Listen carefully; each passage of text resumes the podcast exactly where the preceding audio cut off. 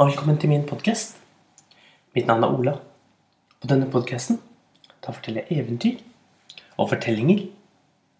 I dag skal jeg fortelle et eventyret om de tre små grisene. Det var en gang en eh, mammagris som hadde tre små unger. Men de vokste, og snart var det på tide at de skulle flytte ut i verden. Så de tre grisene gikk av gårde. Den første lille grisen gikk forbi en mann som hadde med seg en stor vogn full av høy. Og den lille grisen spurte. Kan jeg få, få litt høy av deg, så jeg kan bygge meg et hus? Og den lille grisen fikk seg masse høy, og den bygde seg et hus som var lagd av strå. Den andre lille grisen gikk på veien og møtte en mann som hadde med seg en vogn full av pinner. God dag, sa den lille grisen. Unnskyld, kan jeg få Kan jeg få litt pinner av deg til å bygge meg et hus? Og det gjorde han. Så Så bygde han seg et hus som var lagd av pinner. Men den siste lille grisen gikk og gikk, helt til den så en mann som hadde med seg murstein. God dag, spurte den lille grisen. Unnskyld, kunne jeg fått noen murstein til å bygge meg et hus? Og det fikk han. Han bygde seg et stort, fint hus i eh, lagd av murstein. Og de alle tre bodde glade og lykkelige i husene sine. Men en dag, en dag, så kom det en ulv og banket på døren hos den minste lille grisen, den som bodde i et stråtak. Jeg mener stråhus. Og den banket på døren hos den lille grisen der inne sa Hvem er det?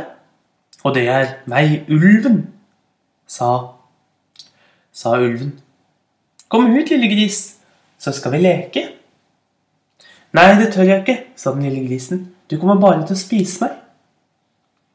Da skal jeg puste og pese og blåse huset ditt ned. Og ulven pustet, og den peste, og den blåste hele huset ned. Men den lille grisen løp så fort den kunne, hjem til broren sin, som bodde i et hus som var laget av pinner. Men ulven, den var sint, og den var sulten. Så den gikk hjem til den andre lille grisen og banket på døren som var laget av pinner. Kom ut, små griser, sa den. Nei, det vil vi ikke, sa de to små grisene. Du kommer bare til å spise oss. Da skal jeg puste og pese og blåse huset ned, sa ulven. Og den pustet og peste, og pinnene fløy. Og de to små grisene, de løp hjem til den siste lille grisen, som bodde i et hus som var lagd av murstein. Ulven, den var skikkelig sint nå, og enda mer sulten. Så den gikk hjem til den tredje lille grisen og banket på. God dag, lille gris. Kom ut, så skal vi leke. Nei, sa den lille grisen. Du kommer bare til å spise meg. Da skal jeg puste og pese og blåse huset ned, sa ulven. Han begynte å puste og pese og blåse. Men uansett hvor mye han prøvde å puste og pese og blåse, så ble huset stående. Da Da fikk ulven en plan. Og Tidlig neste morgen så kom den tilbake og sa, 'Lille gris, lille gris'. Jeg har funnet et slikt fint, fint sted hvor de har så mye fine neper. Kom, så skal vi gå dit klokken seks i morgen tidlig. Så skal vi plukke med oss mange neper vi kan. Og den lille grisen, den var smart, så klokken fem så dro den av gårde. Ned og plukket neper, så mange den kunne bære i den store kurven sin.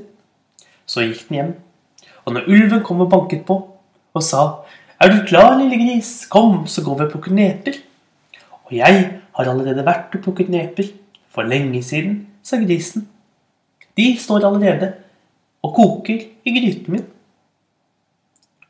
Da Da ble ulven så sint. Men han tenkte seg godt om. Og eh, neste dag Neste dag så kom ulven tilbake. Lille gris, lille gris, jeg har har funnet et slikt fint epletre i hagen til Olsen, hvor det vokser så mye gode epler. Bli med meg dit klokken fem i morgen. Men klokken fire om morgenen da sto den lille grisen opp og løp ned til Olsen og plukket med seg så mange epler den kunne. Siden satte den seg i toppen av treet og der satt den når ulven kom. Kom ned, lille gris, så jeg kan få smake på de søte eplene. Og den lille grisen tok et eple og kastet det så langt det kunne. Og ulven løp for å hente eplet. Men mens det løp for å hente eplet, da pilte den lille grisen ned og løp hjem til huset sitt. Nå nå begynte ulven å bli skikkelig sulten.